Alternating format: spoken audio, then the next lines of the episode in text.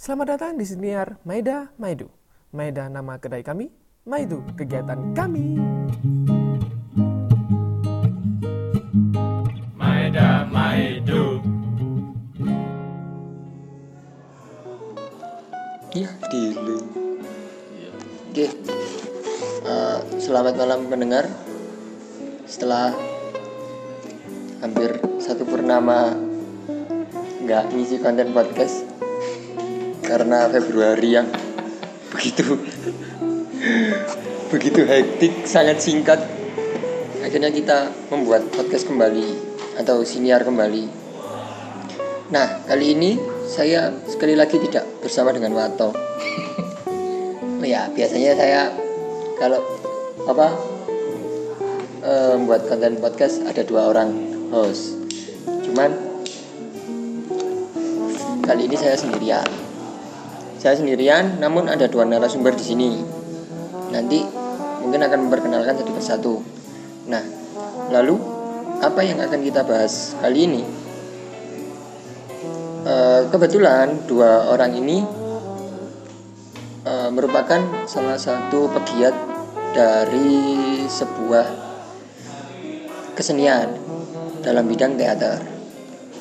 Meski mereka ada di dua teater yang berbeda, namun mereka pernah satu teater yang sama. dalam artian ada satu yang pindah. Mungkin dari Mas yang berkaos hitam, wah, sing kaos hitam sing di Tidak bisa mendengar suara toh Eh iya. Bisa memperkenalkan diri, namanya siapa? Jadi nama saya Jonathan. Lengkapnya Jonathan Beril Sudanto. Panjangannya Joko Nakal dan Tampan. Aduh, Jonathan. Joko nakal diri saya Iya. Terus jangan lupa ID IG saya S underscore Danto. Isinya apa aja? Isinya konten-konten sampah dan sambatan saya, keresahan saya. Kali ini biasanya asli mana? Kalau gue sih asli, Jakarta. Oh, lo lo asli Jakarta. Eh, iya. Lo gak tau gue garuk dong. Oke. Terus di Malang ini selain sibuk di teater, Saya sibuk mengembara mencari kitab suci. membarakan Iya. dari kitab suci. Kebetulan saya seperguruan dengan saat hostnya ini juga. Saya sudah tidak kuliah. Oh iya iya iya. Iya. Tolong dibedakan. Iya, iya. Tolong dibedakan. Kan belum lulus. Jadi saya masih berguru di psikologi UM angkatan 2015 yang masih belum lulus. 15 yang masih belum lulus. Kalau Mas satunya yang berbaju merah, Nama nama siapa? ini nama asli. Nama asli terus biasa diceluk sopo. Nama asli itu adalah Wahyu Arianto nama asli saya. Tapi biasa dipanggil Simbal. Apa apa simpen. Oh iya biyen. Kalau meloi drum band. Jadi dulu Simbal.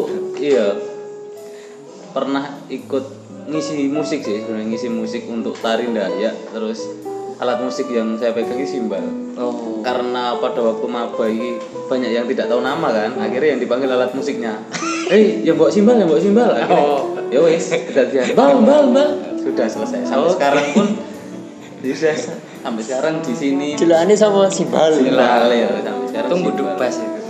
Dubas ya. Hanya satu suku kata. Eh iya. Bas. Bas. ya. Iya Bas. Pas Untung koro simbal tuh ada. lain masih simbal. masih lebih enak diucapkan Untung pisan kudu ini. Akordion. Lah, Kedawa. iya Yang susah akordion. harus ya Kor. Kor. Oke, untuk kesibukannya sudah lulus kuliah? Alhamdulillah sudah lulus Sudah sudah. sudah sudah Sudah. Sudah sudah. Alhamdulillah. Barokah. iya. Apa sekarang ini sih lebih ke jadi pelatih ekstrakurikuler teater di beberapa sekolah di Malang. Hmm. Dua sekolah sih sebenarnya kok beberapa. Dua sekolah di Malang. Satunya di SMP, satunya di SMA. SMP ini mana? Saya di SMP Sabilillah. Kalau SMA-nya di Man. Man 2 Man- Jalan Bandung oh Man 2 itu wis ganti man dua ya? Iya, udah ganti Man 2 dulu Man 3 Sekarang udah ganti Man 2 Lah itu yang man dua yang di Cemoro Kandang itu jadi man apa? Mantelan kalau hujan. Nomor kandang mana apa? Oh, kok man si MTS itu MTS, MTS MTS dua ya. Di Malang berarti cuma ada dua Man Man 1 Dan sama Man Man 2 Oke. Masuk ke topik pembicaraan. Kali ini kita akan membahas mengenai seluk-beluk dunia kesenian, khususnya teater. Tapi sebelum menginjak eh, ke dunia teater, berbicara tentang seni itu akan sangat kompleks. Lalu bagaimana beliau-beliau ini pada akhirnya kenapa sih kok ingin berkecimpung di dunia seni? Mungkin dari Joko dulu Nakal dan tampan Kenapa dan tampan? Kenapa setelah apa merantau Iya dari Jakarta dari. Jakarta downgrade ke Malang selain berkuliah lalu menyibukkan diri pada dunia seni apa alasannya Kenapa ya? Mungkin kalau di Jakarta seni saya seni seni apa? ya? Seni kekerasan. Nah, Tawuran Eh, iya. Bahaya terus Makanya di sini cari seni murni saya. Begitu. Seni itu sudah tidak ada yang murni Lah, harapan makanya. semua Saya cari yang perawan seninya, gitu. Seni perawan jadi. jawaban yang abstrak Lah, ya kan anak seni biasa. Sini gini amat Iya. ya aduh salah aku takut kan ditanya kan soalnya kenapa? terus kuliahmu nggak Ketika Enggak sih. seni Karena menutupi jadwal kosong saya pas kuliah. Karena saya kuliah kebanyakan kosong. atau Makanya mengosongkan diri SKS-nya nggak cukup. SKS-nya nggak cukup. Iya. Siap. Makanya SKS-nya nggak cukup. Akhirnya saya terjebak ke dunia seni ini. Jadi daripada nanggung-nanggung, mending sekalian diminum airnya. Gitu. sebelum masuk eh, berkecimpung pada dunia seni di Malang Mhm. di Jakarta pernah nggak sih ikut semacam kesenian Kalau masuk band atau kalau ke komunitas itu belum ya. Jadi cuman buat apa ya? Pribadi, konsumsi pribadi. Nyanyi di kamar mandi Ya, siap. Pribadi ya Seni menyanyi Iya. Seni musik Cuman memang sudah suka seni. Gitu. Air seni maksudnya. Seni itu indah. Lah, apalagi airnya. Lah. kayak masih bang kenapa pada akhirnya tertarik dalam dunia seni? Kenapa di dunia seni? Sebenarnya kecelakaan ya. Akhirnya kok bisa masuk di kesenian di Malang terutama. Awalnya kecelakaan. Oh ya bukan kecelakaan tapi terpaksa dari dulu itu sebenarnya suka sebagai penikmat aja. Jadi kayak ada konser ada acara pameran dan segala macam itu sebagai penonton main delok-delok gitu-gitu. Terus oh, nggak hanya konser ya, sampai pameran pun sebelum masuk Heeh. komunitas ini. Iya tapi ya cuma datang lihat gitu sebagai penonton rame-rame gitu-gitu sih. Dan merasa suka? Iya sebagai penikmat. Penikmat Penikmat Nah, aja. terus waktu kuliah sebenarnya tujuan ini UKM-nya yang dulu dituju itu sebenarnya Mapala. Wah. Nah, awalnya Mapala. Karena tidak diizini oleh orang tua. Aku melu apa ya kan aduh apa ini gimana ini? Ya wis akhirnya kesenian kok menarik. Masuk lah kesenian. Akhirnya terpaksa masuk kesenian karena tidak diizin di Mapala. Terus toh awalnya dulu juga iya kenapa kok cuman penikmat ya? Ya kok kalau jadi pelaku? Gimana kalau jadi pelaku ini rasanya? Bagian dari Ah, ah, ikut. proses Ah, ah. menciptakan sebuah seni itu ya apa sih Ah, caranya? apa sih?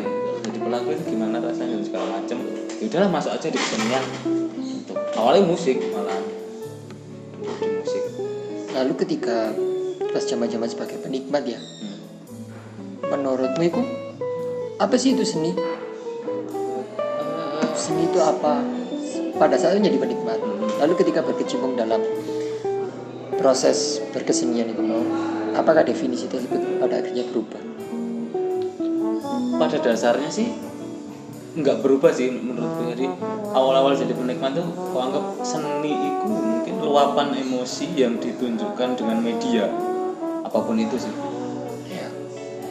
Apa yang ada di dalam rasanya kayak apa dan segala macam terus pengen ditunjukkan kepada orang lain melalui sebuah media yaitu seni terus ketika menjadi pelaku pun hampir sama kayak gitu cuman ketika menjadi pelaku kan kita harus mikir juga nih hmm, di mobil kayak apa berbagai segala macam ini melanggar gak apa dan segala macam. Jadi ada banyak poin-poin yang akhirnya dipertimbangkan. Tapi menurutku sih yo yo itu seni luapan emosi yang yang akhirnya ditampilkan melalui media tertentu. Sama. Haruskah melulu mengenai estetika? Atau kadang kan gini uh, kita nggak mena- menafikan sebuah kesenian. Entah itu band, marching band, teater dan lain sebagainya mengikuti tren pasar. oke ya Jadi baga- bagaimana eh, bagaimana kita menciptakan sebuah produk seni di mana itu bisa laku di pasaran atau setidaknya menghasilkan keuntungan dari sisi pameran. iya. Kalau menurut Mas Yuval, apakah seni itu hanya melulu tentang estetika atau target pasar? Atau hanya iki luapan emosiku, iki produkku, mbok delok, gak mbok delok, lu lihat gak? Atau gitu ya. Masalah. Lebih baik apa yang penting aku menciptakan produk dan aku sangat puas dengan itu kalau masalah yang yang yang saya percaya itu begini. Setiap karya itu punya estetikanya masing-masing menurutku. Apa pun itu. Hmm. jadi hardcore juga punya misalkan musik ya hardcore juga punya estetika ya ya kayak gitu. Misalkan hardcore punya sendiri terus klasik punya sendiri pop punya sendiri. Jadi ya mereka punya estetika sendiri-sendiri dan juga bisa dibanding-bandingkan gitu kan.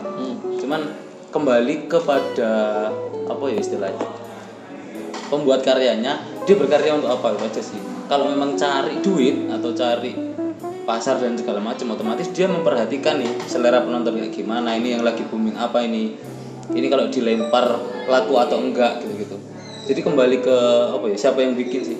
Kamu bikin tujuannya apa? Kalau memang tujuannya hanya untuk diluapkan tok yo pasti tidak terlalu mementingkan itu. Aku Motivasi. pokoknya gawe. Aku aku pokoknya bikin terserah. Mau dengerin atau enggak kamu lihat atau enggak yang penting aku udah bikin udah selesai. Itu sih menurutku. Jadi kembali lagi. Tapi kalau niatnya terjun ke pasar industri dan segala macam otomatis estetika diperhatikan gimana selera pasar dan segala macam biar ini bisa laku gitu. Menurutku sah sah sah sah Tidak ada yang salah Iya, di tidak situ. ada yang salah. karena seni bebas gitu Bebas parkir Eh, iya menurut lo apa nih apa itu seni apa ya? apakah sudah memiliki definisi tersendiri mengenai seni itu apa sebelum pada akhirnya terjun pada dunia seni Lah kalau seni menurut gua sih ya gitu ya. Apa ya seni? Lebih cara mengaktualisasi diri sih. Kalau yang sekarang. Gimana jadi manusia seutuhnya ya salah satunya lewat seni itu. berarti bisa dikatakan sebenarnya setiap manusia itu memiliki produk seni tertentu Iya. terkait dengan kebiasaan seseorang Nah, karena Cuman permasalahannya itu belum aktual lah karena terkadang kegiatan sehari-hari itu ada seninya semua. Ngerti? Tidak. Iya kan? omongan tingkat tinggi Iya. aduh saya juga Iya iya iya iya. iya. Terus berarti ketika Mas John ini masuk dalam sebuah komunitas seni, Heeh. berarti adalah proses-proses aktualisasi diri Iya. pada apa membuat sebuah produk seni itu. Iya. Cuk, ya ya ya yo. Ya, Oh. iya. Masa enggak? Maksudnya gini loh. Jadi gimana ya? Proses keren apa ya? Proses penciptaan sebuah karya seni kan pasti secara tidak langsung kita mencurahkan sebagian dari diri kita di proses itu. Hmm. Nah, itu makanya yang bisa membuat menjadi aktualisasi diri kita di sebuah karya seni Setelah berkecimpung itu emang kerasa banget? Ya kerasa sih. Dari sebelumnya cuman penikmat sampai sekarang jadi pelaku itu. Kalau kayaknya apa ya? Kalau dulu sebagai penikmat cuman seni itu kayak ya seni itu tari gitu-gitu doang sebagai bidang lah. Tapi ternyata setelah menjadi apa ya pelakunya itu seni itu definisinya luas gitu. Jadi lu apa jadi lebih luas lah Nggak hanya melulu tentang seni-seni yang mainstream. lah iya Hmm. karena akhirnya banyak ruang yang bisa apa ya dijangkau kan ketika Nah. sudah masuk oh kenal ini oh, ternyata oh nggak gini-gini aja Hmm. gitu sih Oh. lebih ke sana Terus kenapa kok milih teater? apa ya Apa yang menarik di dari sebuah teater? Kenapa enggak operet? Kenapa enggak dadan, dadan. versi bengto iya iya iya. Kenapa teater? kalau saya yang pertama saya awalnya terpaksa saya cuma sebagai tukang antar jemput awalnya saya tahu itu iya tapi akhirnya lama kelamaan saya ya terjerumus akhirnya ya kenapa enggak gitu loh akhirnya. Dan ternyata teater itu enggak seperti apa dalam bayangan saya yang pada orang orang awam yang full dialog terus cara ngomongnya lebih ternyata enggak enggak kayak gitu juga. Tapi lebih banyak gitu loh. Cakupan-cakupan teater terus faktor yang bisa membuat teater itu berdampak akhirnya pada masyarakat. Akhirnya ya mengerti itu semua ya. Hmm. Kalau Simbal, kenapa memilih teater? kenapa kok teater? Selain aku mau nggak oleh melbu mapalah. Ah.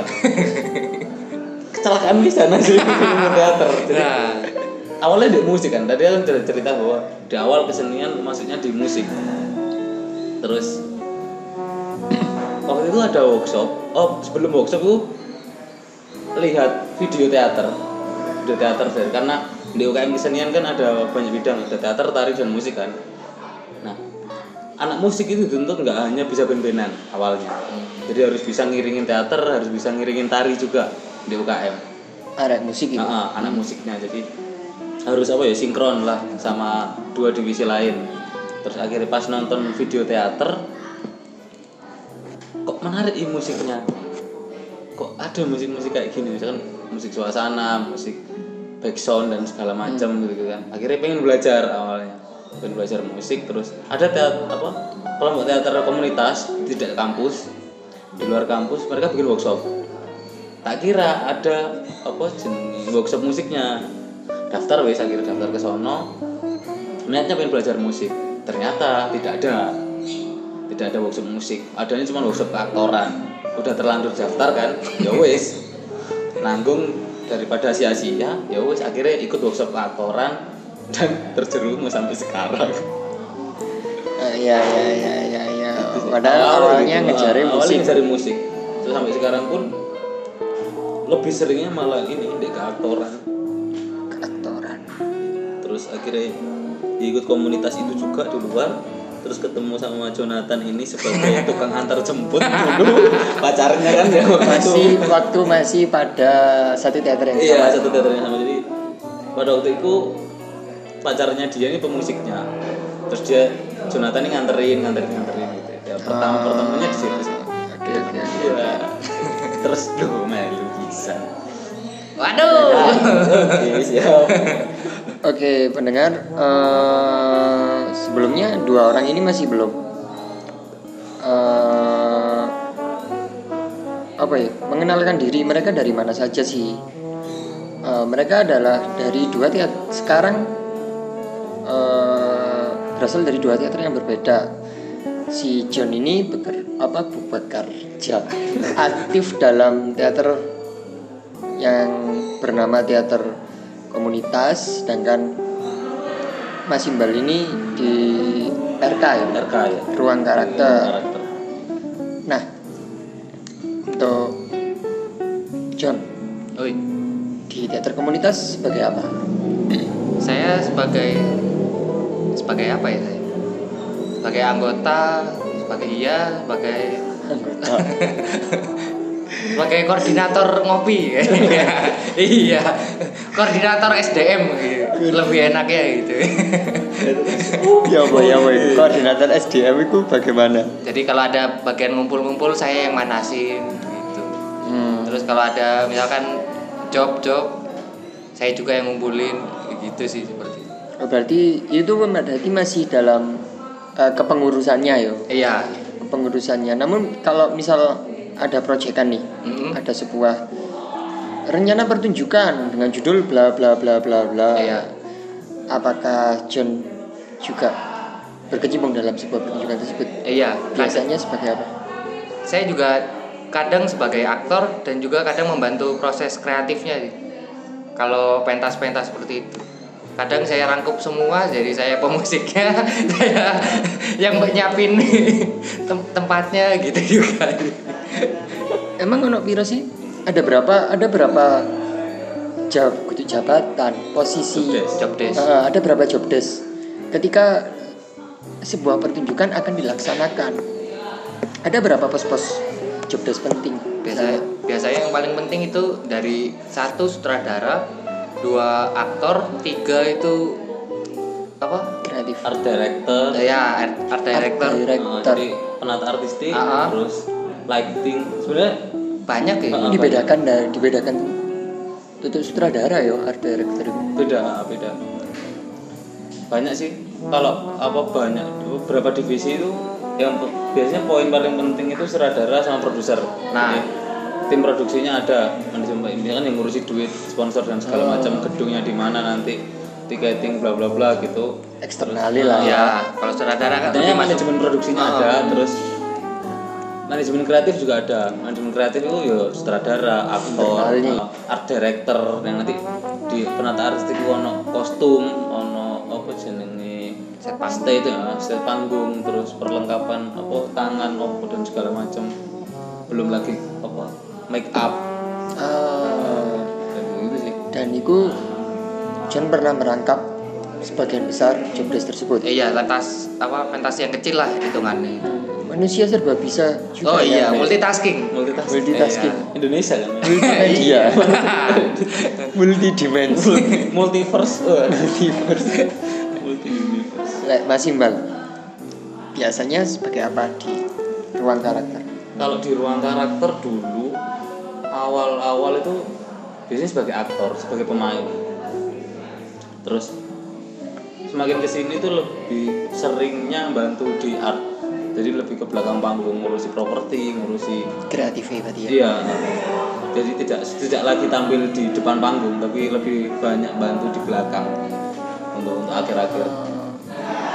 Iya, berarti eh, kenapa kok Eh, awalnya ada di depan terus sekarang beralih ke belakang panggung apakah ada semacam regenerasi atau Iya, bisa jadi apa ya?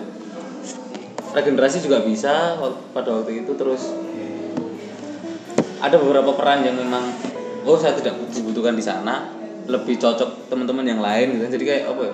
Seleksinya gitu. Jadi mau ngangkat judul ini nih, kayaknya teman-teman yang oke di peran ini ini ini ini jadi yang lain bisa bantu di lainnya. Hmm. bisa jadi bisa juga karena regenerasi karena sudah pernah terus misalkan udah pernah banyak sering terus akhirnya ya sudah gantian yang lain. Ada yang kayak gitu juga. Jadi macam-macam sih. Kenapa? Tapi ketika di belakang kok ngerasa oh ini begini ya rasanya bantuin teman-teman. Iya. Lebih apa ya lebih seru aja. Banyak pengalaman banyak ilmu baru di belakang panggung yang ternyata juga ribet. Belakang panggung juga sama-sama ribet. Paling ribet di paling ribet mana? Di antara depan atau belakang? Sama aja sebenarnya. Cuman karena beda beda yang diributkan ya paling kalau pemain itu kan ributnya ngafalin naskah ngatur blocking ngafalin ini dan segala macam ngelatih actingnya kan. Kalau di belakang panggung yuk nggak ada kostum misalkan ngerancang apa ngerancang properti nih kayak piye iki? Arte noto nih dan segala macam sama-sama ribet sebenarnya. Sama. Kalau ini sama. Cuman peranan itu iya, ya beda. Apa yang dicanda? Apa yang Soalnya- apa yang pegang aja? pentas itu juga sama-sama penting lah. Orang dia yang di belakang panggung. Iya manajemen produksinya juga sama-sama pusing mikirin duit keluar masuknya dan, dan segala macam ngurusin gedung ngurusin makan konsumsinya anak-anak guys sama-sama Iya, pusing iya. jadi ya sama lah Sejauh ini eh, di antara dua teater yang berbeda nih, dua komunitas yang berbeda. Apa sih tujuan proses berdirinya kedua teater ini? Waduh. waduh. berat Tuan. lah iya. Dengan tujuan kolektif hanya menyampaikan sebuah pesan atau luapan emosi atau hanya sebagai wadah aktualisasi diri? Ataukah mempunyai goal-goal tertentu? Goal-goal tertentu dalam artian bisa saja permintaan pasar apa yang sudah kita bahas tadi. Ataukah sebagai bahkan sarana titipan dari orang-orang yang memiliki kepentingan. Aku titip pesan ini waduh. Bukan politik bukan Politik partai. ya? bukan Iya. politik. Duitmu dhisik tapi. Lah. Dibayarnya tahun ngarep iya. pakai uangmu dulu ya. Oke siap. Alamat tidak dibayar. Itu kan sih balik ya apa? Ruang karakter itu berdiri atas dasar apa dan tujuannya apa sih kalau atas dasar apa itu saya kurang tahu ya. Lah, iya. karena masuk ruang ta- ruang karakter itu baru beberapa tahun terakhir jadi awalnya didirikan oleh Pak Doni namanya dan itu sudah hampir 8 tahunan berdiri. Hmm. sekarang mungkin mau, mau tahun ke 9 kayaknya. Lupa saya. Iya mau tahun ke 2010 ya berdirinya dan nggak tahu itu alasan berdirinya apa dan selama ini apa ya lebih ke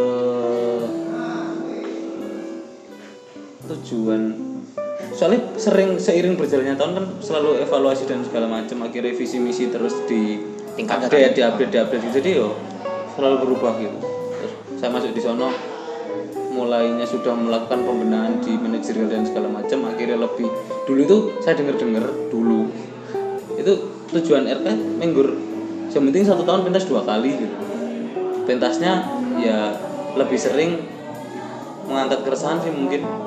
Keresahan dari? Dari internal maksudnya kelompok. Misalkan ini lagi resah apa nih? Oh, ini hoax lagi rame nih. Ya wes kita bahas hoax aja dengan sumber inspirasi Ah, berasal bisa. dari internal anggota? Ah, ah, bisa jadi internal anggota. Biasanya gitu. Hmm. soalnya selama ini juga mau pentas apa sistemnya kayak open call gitu kayak ah kalian punya ide apa nih untuk dipentaskan jadi misalkan dari masing-masing anggota ditanyain punya ide oh aku pengen angkat cerita lagi mas.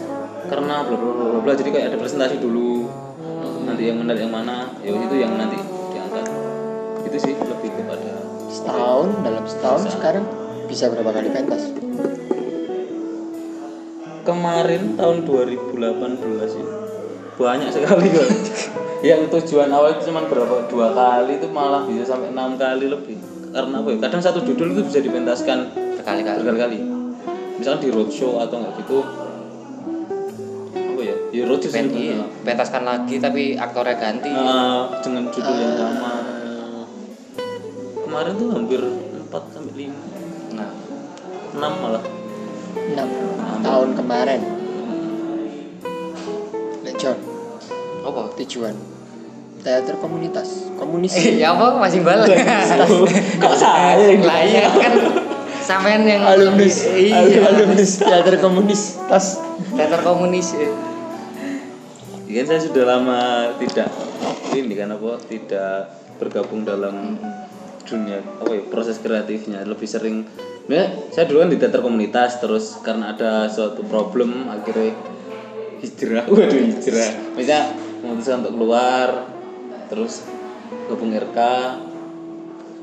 ya, paling ya sekarang kan juga sudah berubah juga kan mesti tujuan Nah, iya iya karena ada generasi itu Nah, nah, ada. Ketika saya di, saya dulu di sana kan ya nggak tahu. Sekarang kan sudah beda. Nah, iya. Gimana? Iya gimana? Bapak, Oh. ya ada yang ditanya kenapa Oh, saya iya, iya, iya. nama anda melempar pertanyaan dari saya. Soalnya yang ngerti apa latar belakang munculnya itu ini Pak. sudah bab dua. Oh sudah bab dua ya nggak latar belakang terus. Saya kuali pak. Bab dua Jadi, latar belakang nggak? Selesai selesai. mungkin kalau visinya karena Teko itu teater komunitas mempunyai logo sebagai Teko. Teko, tahu Teko kan? Tahu, tahu. Nah, Teko yang tempat air minum. Jadi kita sebagai wadah berekspresi dari apa ya? Para anggotanya. Hmm. Ya apa? Gambaran besarnya seperti itu lah. Gitu ya? Masuk. Iya, iya. Jadi lo lambang Teko itu ada filosofinya sebagai wadah yang bisa membuat apa ya sarana belajar bareng-bareng lah ibaratnya. Ah, ya kurang lebih sama berarti ya. Eh, iya. Berarti dalam penyampaian sebuah pertunjukan apa yang biasanya disajikan oleh Teko? Mungkin kalau Teko kan setiap apa kelompok itu punya cirinya, ciri khasnya masing-masing lah. Makanya kalau Teko ini tentang keabsurdan. Absurdisme. Absurd ya lah. Orang-orangnya sih sudah absurd. sudah bisa dilihat sendiri. Iya. Akan jadi antagonis Iya, dalam iya, pembicaraan Orang-orangnya ini. sudah absurd. Jadi apa ya ciri khasnya Teko ya gitulah mungkin kalau bisa langsung dilihat di YouTube-nya pasti dari di dua videonya bisa langsung wah ini pasti Teko lah Wah ada YouTube-nya. oh ada Apa-apa? Teater komunitas Iya. nggak pakai S ya komunis Iya. Kalau nggak pakai S, teater komunitas. lah tapi bukan teater kosmonita Iya. Tes wanita itu radio. lah iya makanya Oke, jadi uh, ingin mengerti teater komunitas itu pertunjukannya kayak gimana nah atau kak penasaran mengenai bagaimana keabsurdan teater komunitas menurut John? Karena saya sendiri juga ragu jawabannya.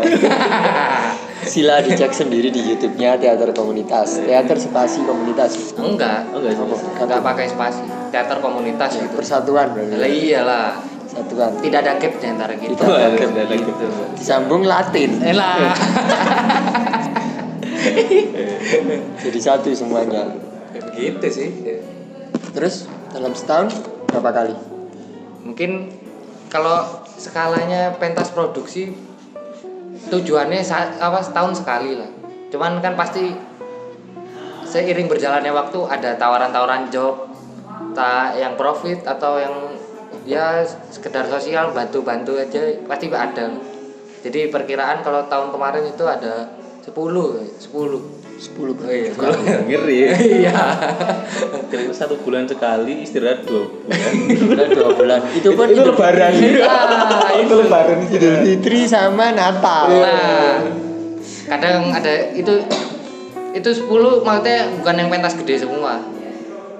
Minta undangan. Ah, ah, lebih banyak pentas undangan job-job Job-job, kayak gitu. lebih gitu. Tapi yang kemarin itu pentas produksi yang skala pentas produksi ada dua lah. Yang di bulan Agustus apa Festival Teater Jawa Timur Cak Durasim sama yang terakhir bulan Desember oh pentas produksi recalling gitu. Hmm. Sing apa iku? kan sampean nonton Oh iya. ya oh masih ya oh Aku ya masih. nonton ya. Aku. Oh ya. Bagi yang nggak tahu recalling, recalling itu adalah sebuah pertunjukan yang ditampilkan oleh teater komunitas. Sinopsisnya sejauh yang saya tahu dan rawan salah, sejauh yang saya pahami, recalling itu men- eh, menunjukkan dari sebuah keresahan anak muda tentang kondisi saat dia hidup. Yo, di endingnya nggak mati sih. Cuman eh, anak muda tersebut hidup dalam generasi milenial, sedangkan di Indonesia sendiri di era sekarang atau bahkan di tahun ini gimmick-gimmick politik itu bermunculan. Nah. banyak wajah-wajah baru yang tersenyum di pinggir jalan. Dan itu banyak sekali. Sampah. Lalu budaya patriarki yang tak kunjung reda di Indonesia. Semua tersebut terjawantahkan dalam sebuah pertunjukan teater berjuluk Recalling apa? Karena tidak benar-benar saya tidak mendapatkan kesimpulan namun ketika eh, pasca pertunjukan tersebut selesai ada sarasehan di situlah baru saya memahami bahwasanya kesimpulan tersebut bisa saja berbeda antara satu orang dan satu orang yang lain. Meskipun mereka melihat recalling tersebut bersamaan. Nah kurang lebih itu yang saya dapatkan pada teater tersebut. Lalu semenjak kalian berdua berkecimpung dalam dunia teater kalian itu mendapatkan apa aja sih apa Mendapatkan apa? Alhamdulillah sekarang kos-kosan saya sudah nggak bayar.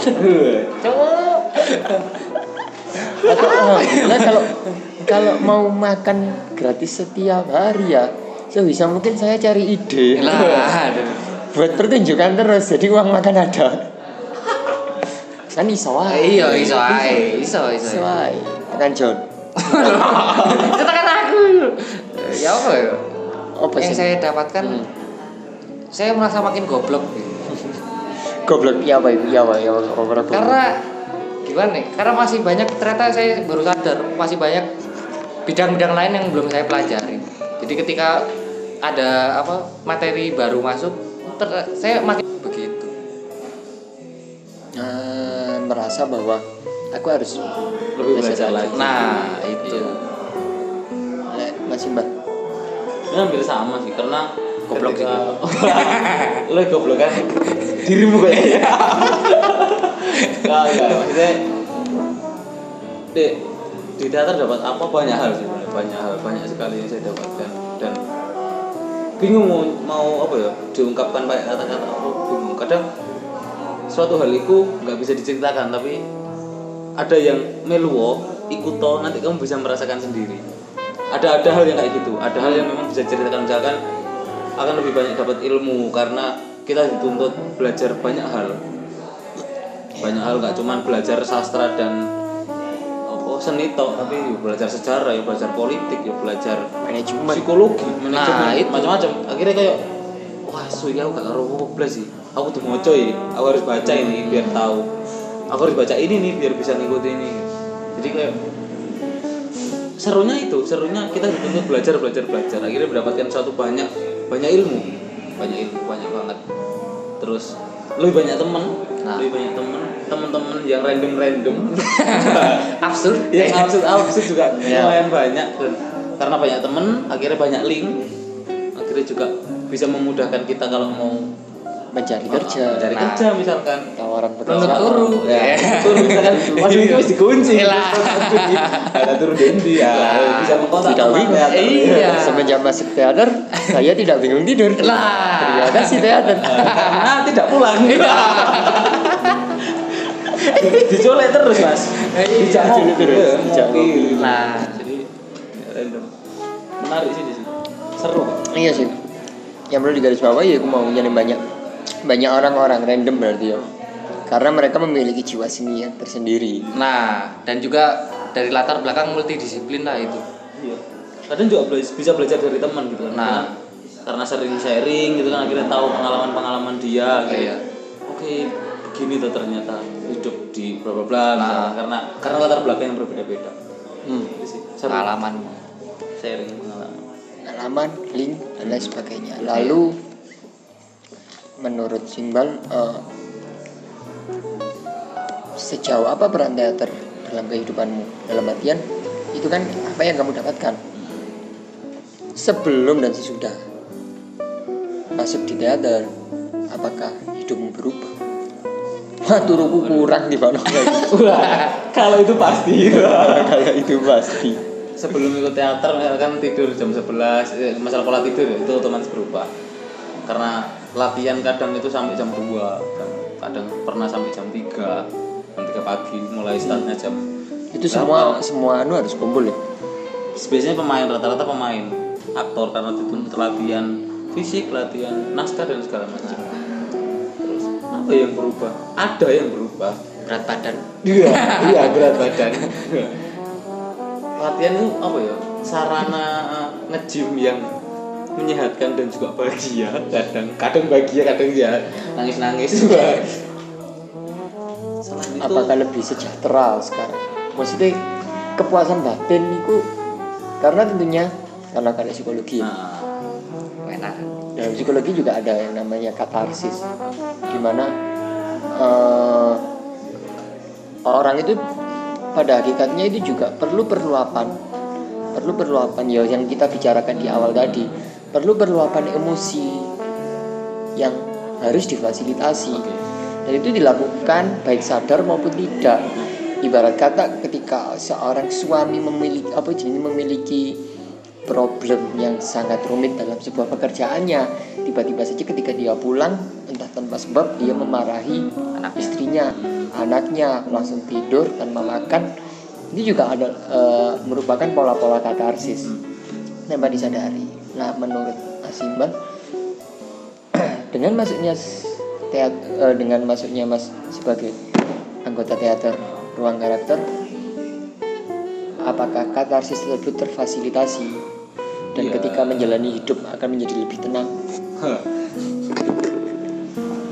Pertama katarsis teratasi itu iya. karena apa ya kita bisa meluapkan emosi apa apa pun itu ya. Senang Bisa marah segala macam ya. iso bengok-bengok. Dan serunya di teater itu misalkan kita latihan bengok-bengok gulung-gulung gak jelas orang lain yang melihat itu kayak ala ya lah arek teater. Mereka sudah langsung oh ya, memaklumi. Memaklumi, nah. memaklumi. Paling ada arek teater latihan. Ya sudah gitu biarkan saja. Padahal bisa jadi itu sebagai bentuk luapan kekesalan, luapan opo dan segala macam. Dan ya dibiarkan aja dan itu menarik, seru. Terus ketika di panggung pun kadang ketika dapat peran yang memang apa ya pas dengan apa yang dialami itu bisa jadi bahan terapi juga kadang. oh, bahan terapi Ada ada ada ada ada pentas RK yang dulu itu metodenya Soliloquy. Nah, jadi ada terapi di sana kayak apa? Bisa nggak sih Apa? teater media? Soliloquy. Judulnya soliloquy. Soliloquy. Soliloquy ada di YouTube Ada di YouTube, ada. di YouTube Silakan dicek aja di ruang karakter tanpa spas. tanpa spesifik Lah. persatuan juga Iya. Iyalah. tanpa gap Soliloquy dan sebelum pentas malah ada kajian psikologi juga, ada ngobrol sama psikolog. Tahu ya psikolog atau psikiater dulu namanya. Saya soalnya beda ya. Aku nggak tahu nggak tahu bedanya psikolog sih. Psikiater terus pacar kayak di situ dituntut kita membuka layer gitu. Jadi tiap orang itu kan punya layer masing-masing. Ya defense mechanism. Ah Nah, dengan mekanisme dari diri sendiri kan ah kalau diceritakan dan segala macam. Akhirnya di, di soliloquy itu kayak kita disuruh bongkar aib diri diomongkan ke penonton. Yuk cara mati gitu dan tiap aktor punya aib yang macam-macam. Ada yang di asmara misalkan ada yang di keluarga ada yang di apa coli sembarangan. Jadi aku langsung terinspirasi. Top 6 ku iki bakalan ngomong iki. Jadi bagi orang-orang yang biasa dapat masalah misalkan kayak kayak saya itu tipikal orang yang tidak pernah cerita apa misalkan aku punya problem apa dan segala macam pasti tak pendem dewi terus tak renungi dewi tak renungi sendiri paling mentok jebret sembahyang sholat dungo nangis nangis misalkan. Tapi lebih ke sendiri tidak pernah cerita ke teman bahkan sahabat pun tidak pernah tak ceritain. Dan kalau saya sendiri waktu itu misalkan masalah masalah cinta masalah asmara itu nggak pernah saya saya ungkap. Nah di pentas itu dituntut ya pergi mau cerita nang penonton. Lah kamu cerita penonton terus ya akhirnya belajar bagaimana membuka diri cerita ke teman cerita ke ini biar bisa curhat dan segala macam. Akhirnya kayak yang dulunya tidak pernah cerita yang dulunya tidak pernah curhat ke orang akhirnya bisa curhat. Bisa menemani orang curhat terus gantian. Kayak dan itu adalah proses-proses. Ah proses proses itu awalnya berat sekali kayak asli kon cerita ini bangsat. Ada penolakan dari diri tapi terus kayak merenung kayak evaluasi yuk iki. Bla bla bla akhirnya harus membuat keputusan. Sebenarnya proses itu sih yang yang yang mahal menurut saya. Iya. Proses itu yang mahal. Karena sebagian usaha sebagian lain orang memang memiliki kesulitan dalam menyampaikan sebuah masalah terhadap dirinya. Ah, dan itu di teater sedikit banyak akan disinggung. Iya, nah, dan akhirnya ya, ya membentuk diri saya yang sekarang ini sebenarnya. Jadi otomatis perjalanan yang dilalui selama hidup itu kan yang membentuk nantinya. Hmm. Otomatis teater juga punya dampak terhadap diri. Karena saya berproses di sana selama beberapa tahun misalkan, otomatis kebiasaan-kebiasaan di sana akhirnya ya membentuk diri saya yang sekarang. Dulu tidak berani tampil di depan umum, dibengoki wis ndredeg gak karuan wis gemeteran keringat gak wis sak jagung-jagung. Oh. Sekarang Los. dipisu-pisui, dicaci maki, relax aja. Itu sebenarnya lebih dikesan. iya iya lalu Apa nih? apa yang berubah pada dirimu apa ya? sejak teater Sejak dalam teater paling apa ya? Panjang kelamin saya. oh enggak enggak. hidup Enggak, sama pendek manis lagi-lagi Apa ya? Lebih ke proses menemukan diri saya sendiri sih. Jadi ngaruh ke konsep diri saya yang pada awalnya sangat sangat sangat negatif jadi mulai berimbas menjadi sedikit negatif.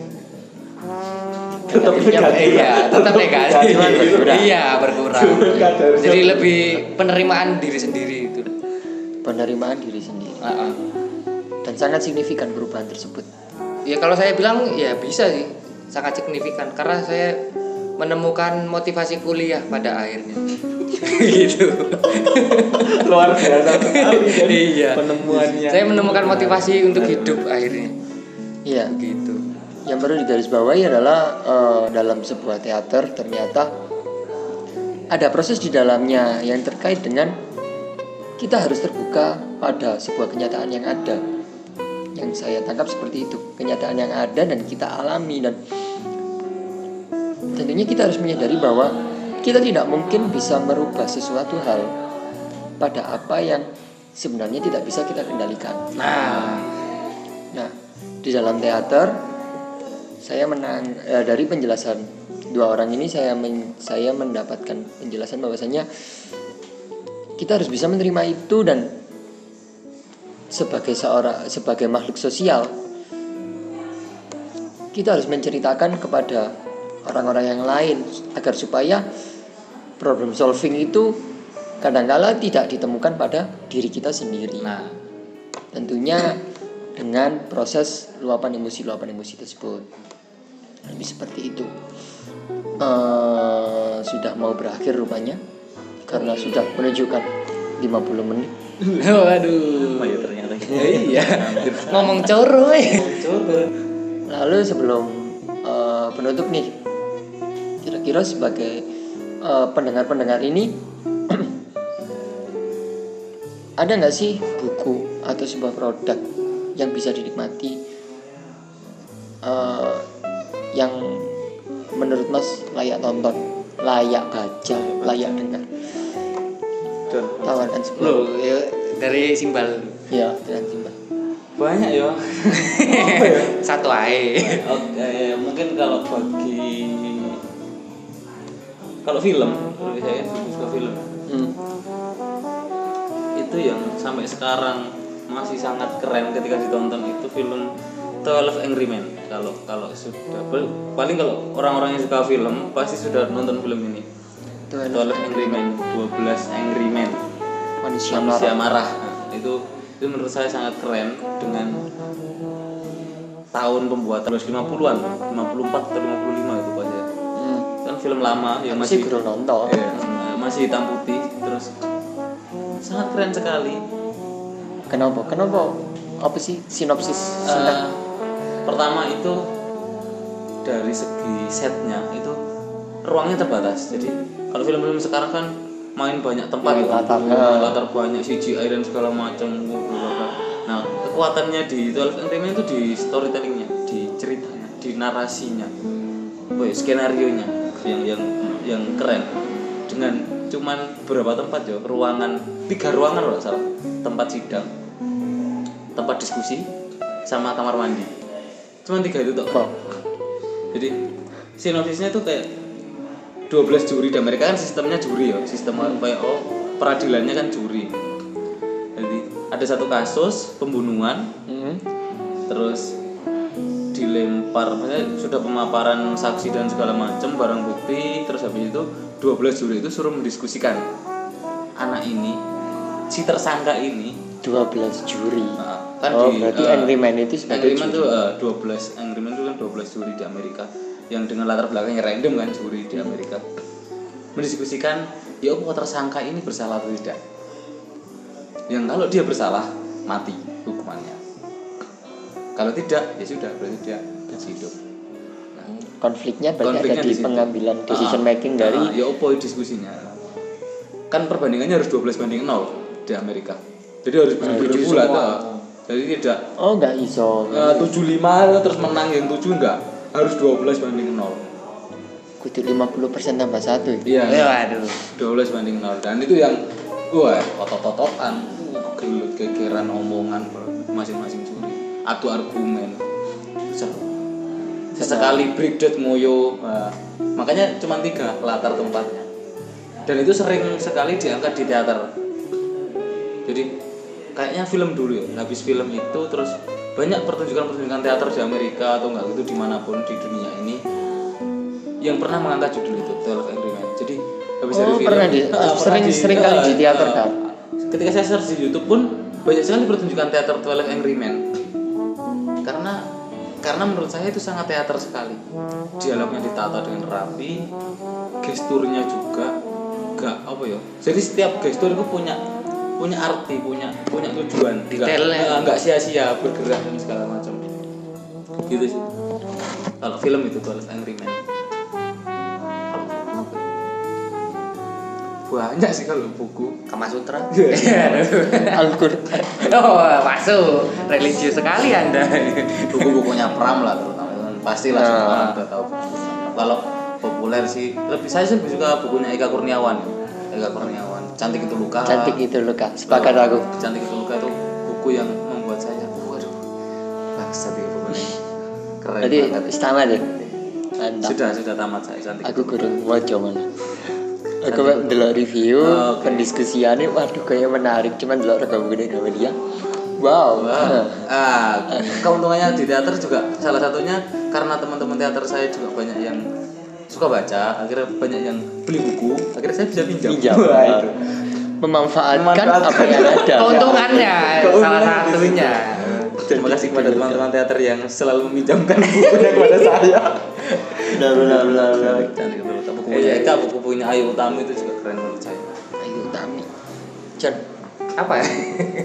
karya apa yang bisa di sharingkan di sini Apa ya? lagu kak buku kak saya tahu anda tidak suka membaca Dua juta. Ini berarti don't judge a book by its cover. Anda termasuk tipikal orang yang seperti itu. Berarti salah besar Anda. Oh, salah besar ya Iya, berarti padahal saya juga baca buku loh. buku apa Buku komik. Ya. Komiknya online. Ya. Tidak buku lagi. tidak buku lagi Modernisasi. Iya. Bukunya versi PDF mas. Swabnya ke atas Eh, iyalah, bukan ke samping. bukan ke samping apa apa apa Apa apa apa apa. Mungkin apa ya? film kak lagu kak Sebenarnya banyak sih kalau dari saya, cuman yang lebih mengena kalau buat saya itu kalau dari lagu Hotel California. Kenapa kenapa? Karena liriknya itu sangat filosofis sekali. Karena dari awal yang lagunya seperti itu, ini lagu terkenal lah Hotel California. Itu milik oh punya nilai filosofis yang mendalam tentang perjalanan manusia. Begitu. Jadi dari yang awal habis itu menemukan jalan keluar, tapi ternyata dikunci. Ya PHP. Begitu. cari cara yang naik Lah iya, sangat filosofis sekali kalau menurut saya. Terus apa ya? Kalau dari film sih mungkin nggak ada. Karena saya banyak sekali. Filmnya populer Marvel, Lah, iya. Marvel, Captain America, Iya. Bla di Karena Marvel kita belajar mengenai Belajar. kerjasama oh enggak lah. Kalau film saya itu paling uh, Fight Club Oh, Fight Club. Nah, itu. Film apa bintangnya Brad Pitt tahun 90-an Fight Club Hmm. Itu- sabun itu ya. Oh, bukan. Bukan. Bukan. Iya, itu mainan sabun. Lah iya. Tapi kan dimainkan secara Iya. berbeda. Benar benar benar. Mainan sabun Fight Club. Intinya ternyata musuh terbesar adalah diri kita sendiri. Itu sih. benar benar Ya bagus kok Fight Club. Fight Club kan? pendengar itu bisa langsung melihat filmnya kalau belum punya silakan Download. download LK Indo XXI ada XXI lengkap. Indo XSI ya corporate-nya ini 21 Iya, sebenarnya. karena saya yakin teman-teman pendengar jarang yang berlangganan Netflix. Sahabat Jarang miskin. Saat miskin kan. Terus IndiHome juga memblokir ya. Nah. Dosa akhirnya karena banyak wifi-nya IndiHome kan biasanya. Yang jelas di iFlix sudah saya pastikan nggak ada kok. Kalau dari saya sendiri, mungkin dengan pembahasan kita kali ini, dari sisi teater film yang bisa saya tawarkan itu, saya suka film-film lama. Tapi tentunya dua film tadi belum saya tonton semuanya. Waduh. Bisa lama sekali ya, Iya. 20 malah ya. Iya. Kata sih. Cuman belakangan ini saya kemarin nonton film-film Indonesia di era 80-an. Terakhir yang kali yang saya tonton tadi malam Iko apa ya judulnya? Sunan Kalijaga dan Sesiti Jenar. Waduh. Dan aku rasa itu adalah sebuah film kolosal yang wow. Film kolosal di mana mereka film tersebut mengangkat eh, sebuah kisah dari perjalanan Islam Nusantara dipadukan dengan pertunjukan kolosal. Karena ini kolosal berarti melibatkan banyak sekali orang dan orang-orang tersebut. Jika salah satu dari sekian banyak orang disebut miss dalam adegan akan sangat kelihatan. Dan ya karena film zaman dulu ya sudah nggak bisa lagi ditegulang. Ini ya dimaklumi saja. Dan aku rasa itu adalah film-film yang menarik sih. Coba nonton di era-era 80-an film-film kolosal. Aja nonton Susana toh Aduh, siap. meskipun Susana menurutku ya sih terbaik. Legenda. Iya, sebenarnya kecil sering sih nonton film-film kayak gitu, pendekar-pendekar gitu kan. pendekar-pendekar. Aku rasa dari sisi eh, apa ya? Aku lihat ngarani sih itu penjiwaan dari karakter film-film lama itu memang sangat berperan penting karena mereka tentunya menghilangkan variabel-variabel teknologi yang dulunya nggak ada gitu nggak sih? Jadi dimenangkan dalam proses pembawaan emosi dari sebuah karakter tersebut. Lalu kalau dari buku eh, ada buku menarik yang kemarin aku diskusikan pada temanku buku ini dipentaskan menjadi sebuah pertunjukan atau sepele jadikan sebuah lagu lah. Itu pasti akan sangat menarik. Bukunya berjudul semasa. Oh. semasa tersebut eh, bukan novel populer karena dicipta eh, diproduksi oleh penerbit indie Postpress di mana semasa tersebut dalam satu novelnya hanya menceritakan beberapa hari di latar latar tempatnya adalah sebuah rumah yang dibangun oleh dua orang kakak adik yang mereka sudah berkeluarga masing-masing dan di novel tersebut diceritakan pada akhirnya mereka bertemu kembali eh, mengunjungi rumah eh, singgah tersebut di sebuah desa karena rumah tersebut ditujukan untuk proses beristirahat dari sebuah kejenuhan di ibu kota. Ternyata mereka ada eh, momen tersebut merupakan momen untuk terakhir kalinya mereka berkunjung ke rumah tersebut karena kakak adik tersebut bersepakat akan menjual rumah tersebut. Kenapa akan menjual? Karena si adik akan pindah ke Yunani untuk mengikuti keluarganya. Kakak adik tersebut bukan aktor utama, aktor utamanya justru anak dari mereka, Joro dan Saji. Nah, Joro dan Saji ini kemudian ya opo bapakmu, ya opo ibumu. Dan yang aku tangkap dari novel tersebut adalah kata selamanya itu akan bisa berhenti. Dan kita harus berpikir ke depannya dan sebisa mungkin jadi lebih baik dan tidak melulu sebuah konflik konflik. Karena pada di novel itu diceritakan sebuah konflik yang kemudian eh, si kakak tidak bersepakat si bapak dari bapaknya Joro ini tidak sepakat untuk dijual kepada pelanggan kedua karena pelanggan pertamanya ternyata meninggal. Oh. tidak sepakat. Tapi akhirnya kemudian merelakan. Ya wis lah Wong rumah ini juga nggak pernah aku datangi lagi. Berdamai meskipun kenyataan pahit kita harus berdamai. Itu sih dua buku tersebut. Oke terima kasih pada dua narsum yang wajahnya sudah menyeni semua. Aduh. Terima kasih juga buat second piece Iya. untuk tempatnya dan teh tariknya. Dan bu, mereka pesen apa? Sudah Joshua. habis semua. Joshua, Apa ini? STT ya? STTO, Eh susu? Ya. STT, STT. Iya. STT itu nama kampus di Malang. Eh, Iya. Oh iya. Nama Kampus STT. Kalau di Sekolah tinggi teologi. Lah, Sekolah tinggi teknik nama. Oh, sekolah tinggi teknik. suhat ya. Suhat. Ya. Oh iya kalau mau bergabung di teater komunitas, ya apa? Ya langsung aja gabung pas kita ngopi bisa atau langsung tanya-tanya dulu di lewat Instagramnya Instagram at teater komunitas. Eh, teater komunitas. Ah, iya. Kalau RK, Sama, bisa langsung di MIG-nya di ruang karakter. gak ada persyaratan khusus nih di antara dua ini. Beragama Islam bisa baca Quran. Waduh. Kalau saya orientasi politiknya progresif kiri, Tidak. ekstremis kanan. Tidak ada, Tidak ada. Tidak ada syarat khusus. Komunitas los. Los. yang penting masih makan nasi lah. Eh, iya. Bukan makan beling. Eh, iya makanya. Syaratnya masih hidup. Lah, itu. Benar-benar. Oke, menutup eh, perjumpaan perjumpaan. Menutup siniar kali ini ada sebuah lagu dari editor yang entah apa nanti karena editornya lagi nggak sama saya yang mungkin bisa didengarkan pendengar untuk menikmati malam atau ketika sedang berkendara dan mendengarkan siniar ini. Silakan menikmati dan sampai jumpa di siniar berikutnya. Dadah. Eh, Bye.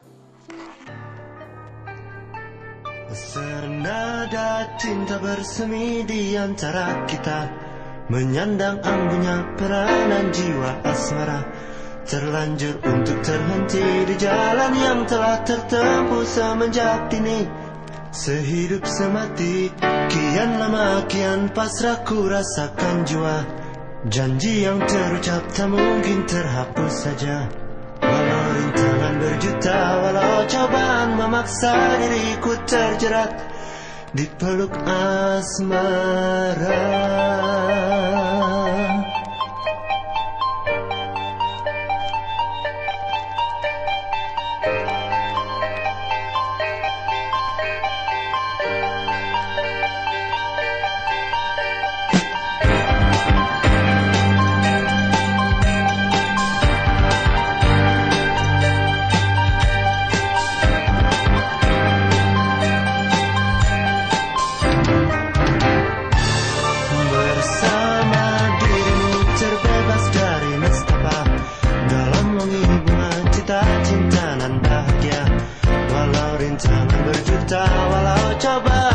memaksa diriku terbuai Di batas asmara. Kian lama kian pasrah ku rasakan jua. Janji yang terucap tak mungkin terhapus saja. Walau rintangan berjuta Walau cobaan memaksa diriku terjerat Peluk asmara Terlambat untuk berdusta Terlambatlah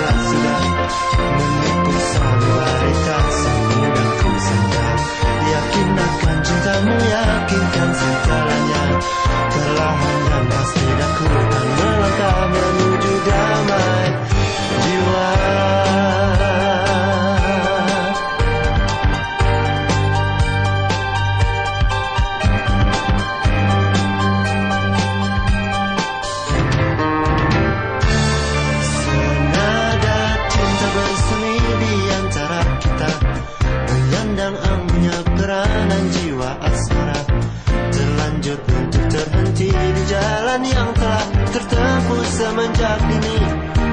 Sehidup